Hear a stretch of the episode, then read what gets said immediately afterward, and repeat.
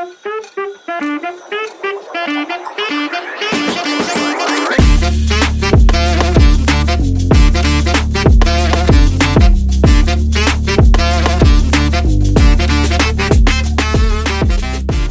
till Travfeber med Banditen och Travburman. Nu är det måndag.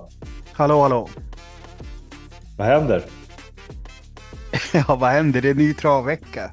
Och du, du går in med storform efter att dunkat in, eh, dunkat in kalla omgången i söndags.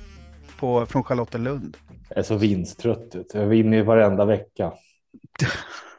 De ringer ju till mig och så köper. Så jag du får sluta nu. Jag har så mycket pengar. Vad ska vi göra med allt? Ja, men det var ju, det var ju rätt, det var ju, nu var inte jag insatt eh, i omgången överhuvudtaget. Eh, så att det, det var dels var det din vinst där som ändå var rätt okej, okay, men sen så var det ju en häst som eh, som hade skri skrikit ut på Twitter där utav korsdraget eh, som gav 18 gånger trots att det bara typ var sex hästar i fältet. Det var ju sjukt konstigt. Det var, det, Ja, var de två va? tryck. Ja, Det var den enda skrällen i hela omgången. aha. Faktiskt. Det var, det var spelat till 5 procent. Mhm. Hade du helgardering där då? Eller? Nej, var- jag, jag hade fem hästar av sex. Jag stekte Ja. en. Jag brukar alltid göra så. Så att man ändå har en chans att åka.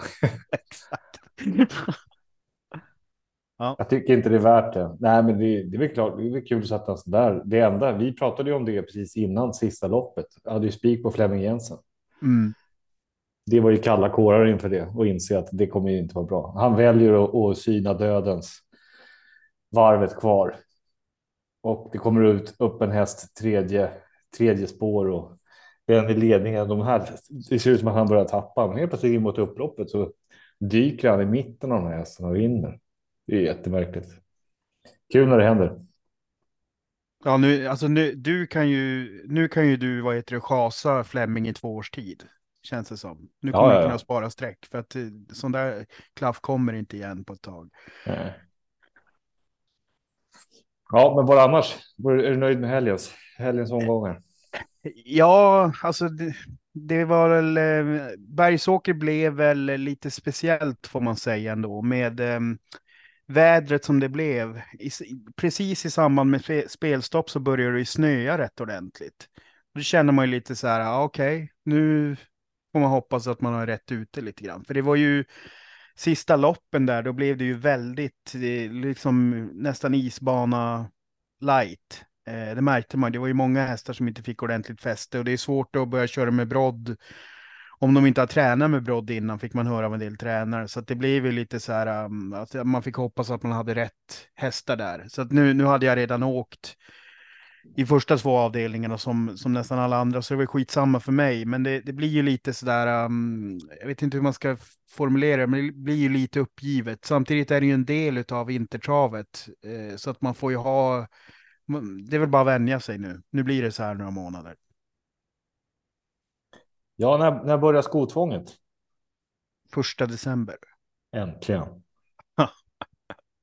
Ja, nej, men det- blir, ju en, det blir ju en faktor mindre i alla fall, det får man ju säga. Alltså då vet man ju.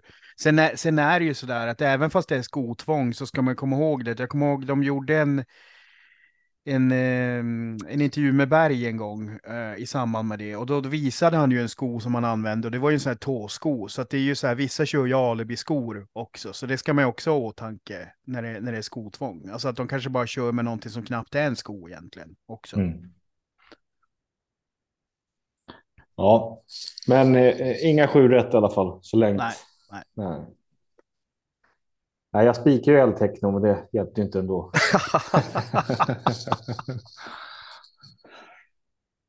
Nej, jag, jag spikar L-techno och bänkar great skills. Det är ungefär Ja. sånt system jag brukar spela. Ja. Ja, jag gick åt skogen.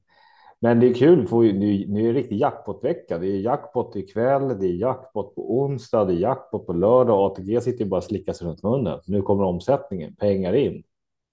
Mm, ja, nej, men det, det får man ju säga. Nu har inte jag kollat jättemycket på lördagens och onsdagens omgångar än så länge. Men det, det känns ju potentiellt så känns det ju som att det är högre chans att det blir vettig utdelning på lördag än vad det var förra lördagen. Eller alltså lördagen som var nu då, eftersom Mm. ja, Great Skills var ju precis så bra som man trodde. Faktiskt. Så att, förhoppningsvis har vi ingen sån på lördag i alla fall. Nej, nu har du yrkesstoltheten kvar då, att du spikade den trodde på. Det är helt rätt. Exakt. Ja, är det någonting annat som, som du har snurrat runt och fastnat ja, i? Alltså det kom ju en nyhet i, i fredags där om att eh, Tingsryd nu får en ny eh, sportchef då, som eh, Jens Oskarsson. En ung tupp som har varit på eh, sportavdelningen på SD senast om jag fattar det rätt. Och eh, han, är då, han ska då som sagt bli ny sportchef på Tingsryd. Och i den artikeln som, ehm, som är med honom i travronden så snackar han ju om att fokus verkligen ligger på att, på att Tingsryd ska ha en V75-bana. Och det här är ju någonting som jag brinner för någonting enormt. Alltså jag tycker att det är nästan till en skandal att Tingsryd inte per automatik har en V75-dag. Eftersom det är den enda, enda milebanan i Sverige eh, och vi har liksom 90, 95 procent av banorna i Sverige är de här jävla tvilling 1000 meters banorna där alla ser likadana ut. Det bara liksom skiljer 10-15 meter på, på upploppen. Sen har vi ett par upp stretchbanor och några 800 meters banor. Mm.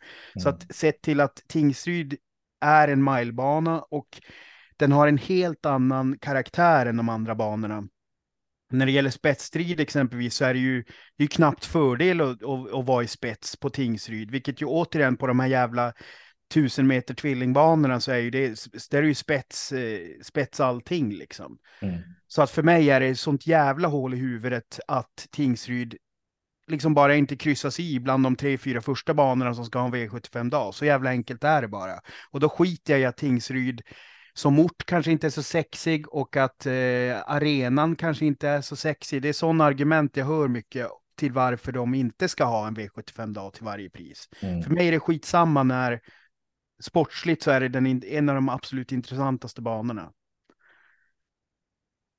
Vart ligger Tingsrydstravet? Uh, ja, förutom att det ligger i Tingsryd. Men... ja, eller vad, vad, vad menar du? Ja, det är tjej. Ja, okej, okay. jag tittar. Det ligger ju alltså. Bor man på Öland så är det ganska nära. Ja, ja alltså visst, alltså det, det är så här. Det är ju inte. Det är inte världens lättaste ställe att ta sig till.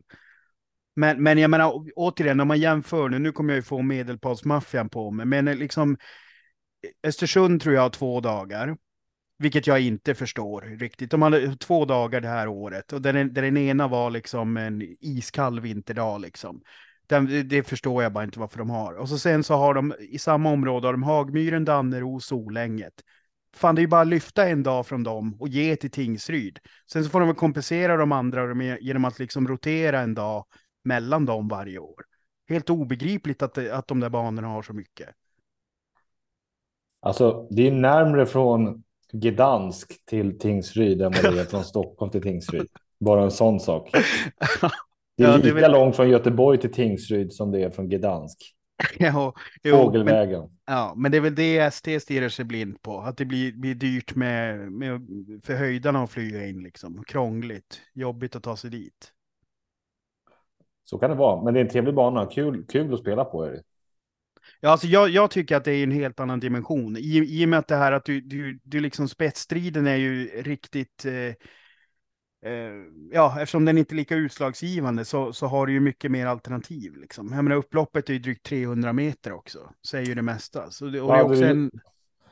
Vad hade ja. du gjort om du, hade, om du sitter med en startsnabb häst och har bricka 3, autostart, eh, 12 hästar bakom bilens vingar.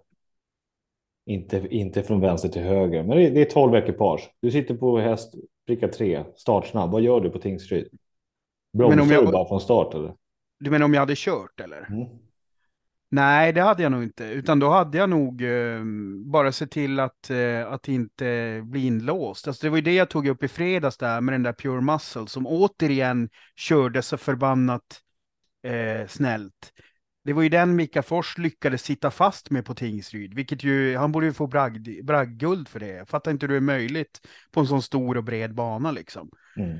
Eh, utan det, det, det, det är det det handlar om. Alltså, så som jag fattar Tingsryd så utan att ha kört lopp eller varit på plats på banan så är det ju liksom att eh, det är ju sista, sista 200 så det är bara till att man får en vettig resa fram till dess. Eh, tycker det är ofta man har sett den när det har körts V86 och G, GS75 där, som vi inte har några V75-starter då att utgå ifrån. Sen är det möjligt att, att eh, V75-klasserna blir för utslagsgivande ändå, men låt oss åtminstone få se först innan man dömer ut det. Så att ge, liksom ge, ge Tingsryd en normal V75-omgång tre år i rad och utvärdera sen, tycker jag.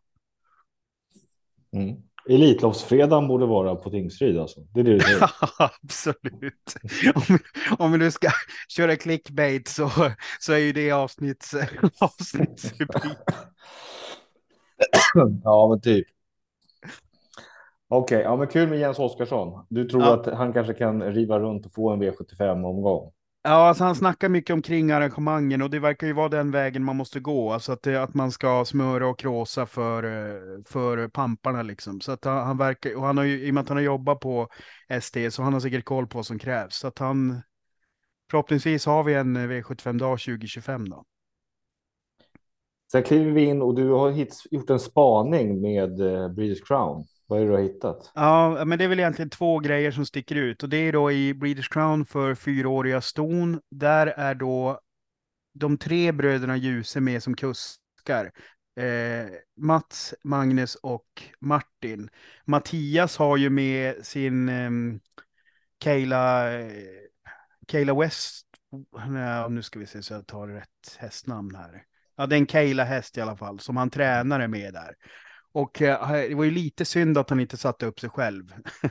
kan jag tycka, så vi hade fått alla fyra i loppet som kuskar. För det har, det har ju inte ens bröderna Nordin kunnat göra. De var ju bara tre stycken. Och det, sen vet jag fan om Breeders Crown fanns när de körde. Men, men då, de lär väl ha kört något derby eller kriterie alla tre. Men fyra stycken är ju rätt svårslaget. Eh, sen den andra spaningen var ju att Örjan körde ju, kvalade ju in den här Ninetta Bocco. Men eh, får alltså inte köra den, utan det, där blir det då istället svågerpolitik, då, där båt sätter upp eh, en annan båt som jag antar är släkt. Så det är väl svåger, svågerpolitik till lux där. Men det öppnar ju upp loppet något enormt att inte Örjan är med där. Helt vem, sjukt vem ska att... köra din etta? Eh, Robin Båt, tror jag. Det är Ervin, Ervin Båt över tränaren. Jag tror kusken mm. som står uppsatt är Robin Båt. Det är väl, en, det är väl hans son antar jag. Ja. Jag hade, jag menar, hade jag haft en Elitloppshäst hade jag satt upp dig. Förstår du vilket snack det skulle bli? Du skulle komma sist.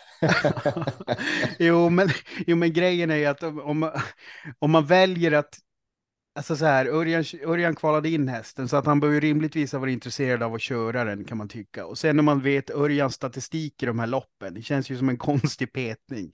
Det måste man säga, om man, om man inte, han gillar väl lite pengar då, Erwin Båt kanske. Alltså, så, så tror han att hästen är så klar så att han, han menar på att jag kan sätta upp vem som helst.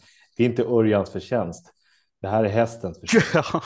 Han, han kommer dra det resonemanget efteråt. Ja, så det spelar ja. ingen roll vad som sitter upp bakom. Alltså, alltså sträckmässigt är det ju intressant, för nu kommer, ju, nu kommer han ju inte bli lika hårt betrodd. och den här nya kusken då har aldrig vunnit lopp eller? Nej, det har jag inte hunnit med sätta mig in i, men det är ju normalt sett så brukar ju de här um, kuskarna från andra länder som inte är uh, super, uh, superetablerade, de brukar väl inte ha, göra slarvsylt av motståndet på svenska banor, tycker jag. Ja.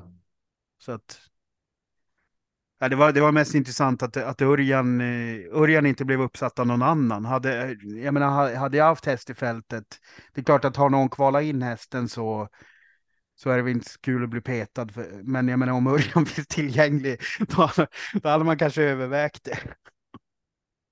Ja, så, sjukt. Ja, det är jävligt sjukt. Men ja. Örjan ska inte bli petad på sådana här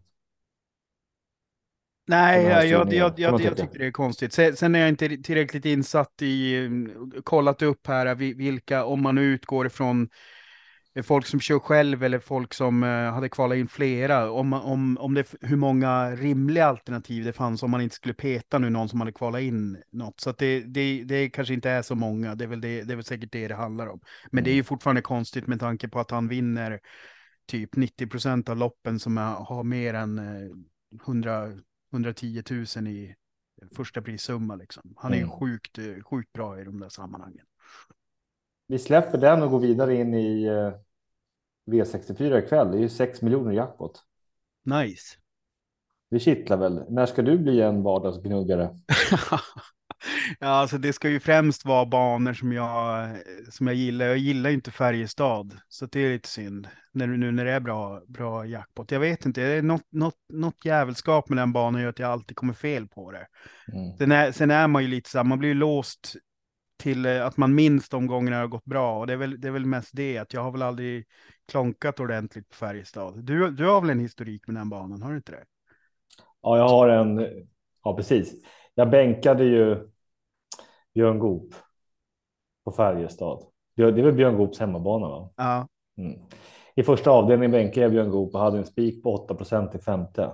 Jag hade vunnit 1,6 miljoner på V6 eh, och jag hade fem hästar i första. Björn Goop vinner som så här mellanspelad 11-12 procent. Alltså det, det var det sjukaste. Jag satt och tittade på den här lappen efteråt. 1,6 miljoner, åtta andelar. V6, alltså det var ju med V6 som det var 1,6 miljoner. Så jag har liksom bara en revansch att, att eh, ta därifrån. Ja. Eh, så att det, alltid de som köper in sig när det är eh, V64 och det är Färjestad brukar be mig ta med Björn Goop. Men jag är lite inne på för att idag, idag är det ju alltså det är bra pengar man pratar ju om 6 miljoner till en ensam mm. vinnare. Då mm. räknar ju med vad, vad, man ska sälja också. Men mm. I första avdelningen är det en häst spelad till 61 procent. Det är ingen great skills alltså. Det är Allans Rennesvik. Och sen i femte avdelningen så går Björn Goop ut med en JH Million spelad till 73 procent. Så det är två jättelampor. Nu är klockan kvart i tolv så att de här kommer ju vara storfavoriter ikväll mm. också. Det tror jag. Visst kommer de kanske rasa lite. Men. Då kan man ju fundera på när man ska ge sig på en sån omgång så handlar det ju om man kan inte. Ja, det kommer säkert finnas människor som jag känner som kommer spika då första och i femte 61 och 73 procent och hoppas på det bästa. Eh, det är kul att delta, men jag tror ju det bygger ju på att försöka fälla en av de här måste ju rasa för att mm. det ska bli lite pengar. Rasa båda, då kan det ju bli en sån omgång som det bara. Ja, det bara sprutar ut. Det kan bli ingen som hittar rätt. Mm. Man får välja lite vilken väg man vill gå, men däremot så har jag i och för sig omgångens bästa avslag. Då. Ja, det brukar jag ju bjuda på en häst som oftast är spelad lite i överkant. Den här hästen som jag är inte i överkant och det är bara 9 procent. Men varför man inte ska ta med den här hästen, det är för att kusken då har 0% i segerprocent. Eh, och har startat 2020, 2021, 2022, 2023. Aldrig vunnit. Som bäst har en placering, en andra placering. Det är Erik Flygare med Josefin Ivehag här. Lexington Zon nummer fyra i avdelning fyra. Startar precis utan chans. Hur tänkte man här? Han har väl aldrig haft bättre segerchans än nu när du chasar då? Ja, det skulle vara helt.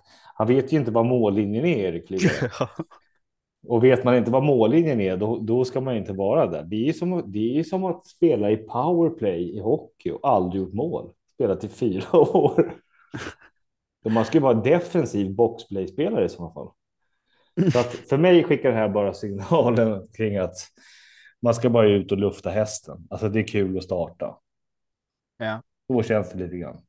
Ja. Eh, men alltså det är Josefin Ivehag som tränar hästen och Josefin Ivehag har ju en annan häst ute som är spelad till 37 procent. Så att de startar ju mellan bricka tre och fyra så att antingen har man något fuffens för sig och ska försöka göra någonting smart här. Antingen mm. skicka Erik som någon liten hare där framme, dra upp tempot eller någonting. Skulle kunna vara. Det förekommer ju inte eh, stallkörningar och sånt. Nej, nej, nej. nej, nej. Det förekommer inte. Det blir väl kul, men det, skit i Erik Flygare, den, kan man ju, den behöver man ju inte sträcka. Eh, men det handlar ju om att man måste försöka fälla de här favoriterna. Jag, eh, eh, ett resonemang kan man fråga sig här, om man om, i femte avdelningen idag så startar det 12 hästar. Mm. Och så väljer man att helgardera det här loppet. Eh, det gör man för att man vill att det ska skrälla eller hoppas att det ska skrälla. Mm. Eller så helgarderar man för att man tycker att det är en hög skrällfaktor i loppet. Alltså det är, strecken är så jämna överallt. Mm. Om en häst är spelad till 73 procent och man har alla 12, är det inte bättre då att ta bort favoriten och ta resten? Om man ännu inte tror på det. Ja, jo, alltså så är det ju. Det, Absolut, det, det, det beror ju lite grann på hur resten av systemet ser ut dock. Men i, i det här fallet, eller i, i de flesta fall så är det ju så, absolut. För jag menar, det, speciellt om det nu, alltså det, det, det är ju kaosgrejen är ju, säg att, säg att du har eh, en spik som är 5 eh, procent och den sitter, då, då är ju, då skulle det ju potentiellt kunna vara vettigt betalt även med den här. Mm. Det är väl egentligen min mot. Eh, och, och det är därför jag är ganska strikt med det här när man ska kryssa i V6 eller inte. Alltså om jag nu tolkar dig rätt här på den där där du bommade. Du bommar väl rätt mycket pengar där antar jag, på att kryssa V6? Ja, ja såklart jag gjorde det. Mm. Ja, ja, absolut.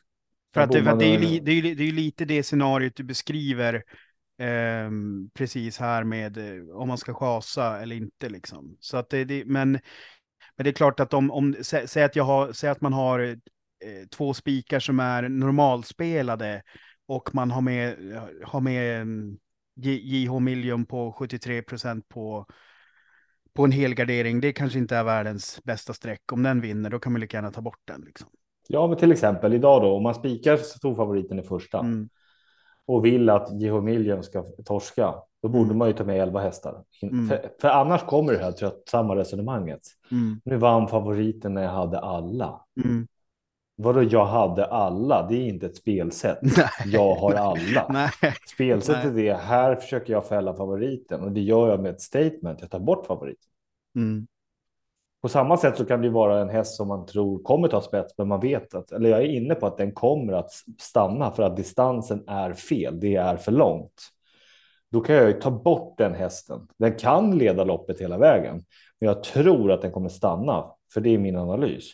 Då tar jag aktivt bort spetshästen och, och räknar kallt med, sitter och svettas in mot upploppet att nu bromsar den, nu bromsar den, nu bromsar den. Och gör den inte det, ja, då är min analys fel och då faller det. Ja, alltså jag är ju inte lika extrem där. Det där har vi haft interna diskussioner med både dig och mig och en annan av våra spelläggare om att så där resonerar jag oftast, kanske om jag har spik eller om jag låser på två hästar, då, då låser jag mig till scenario. Men om jag garderar på bredare, då, då är jag ju lite så här att jag försöker tänka olika scenarion också. Mm. Så, att man inte, så att man inte bara står och hänger på sin, på att det ska bli ex exakt som jag har tänkt mig. Sen fattar jag att, att det ökar potentialen om, om analysen väl sitter, att du då har chasat eh, betrodda hästar som, som inte ska kunna vinna under, under det här scenariot och att du istället då får, får med några lågprocenter. Så det, det resonemanget köper jag, men jag, jag är inte riktigt funtad att spela på det sättet. Nej, det är tur att vi är olika. Nästa avsnitt handlar bara om yrkesstolthet. Och jag sitter med punkterna. Nej, jag skojar. Hörru, vi måste ta, det lunchdag snart. Jag ska sätta mig in i, i omgången. Det är jättekul. Ja, ja, jag kollar lite snabbt. Jag tyckte det var så kallt ut. Så ja. att jag avstår lunch, lunchlir idag. Det är oftast så när du säger så, då blir det jättemycket pengar. Exakt. Så nu får alla gå in och köra. Njut av veckan. Vi hörs sen. Yes, det gör vi. Ciao.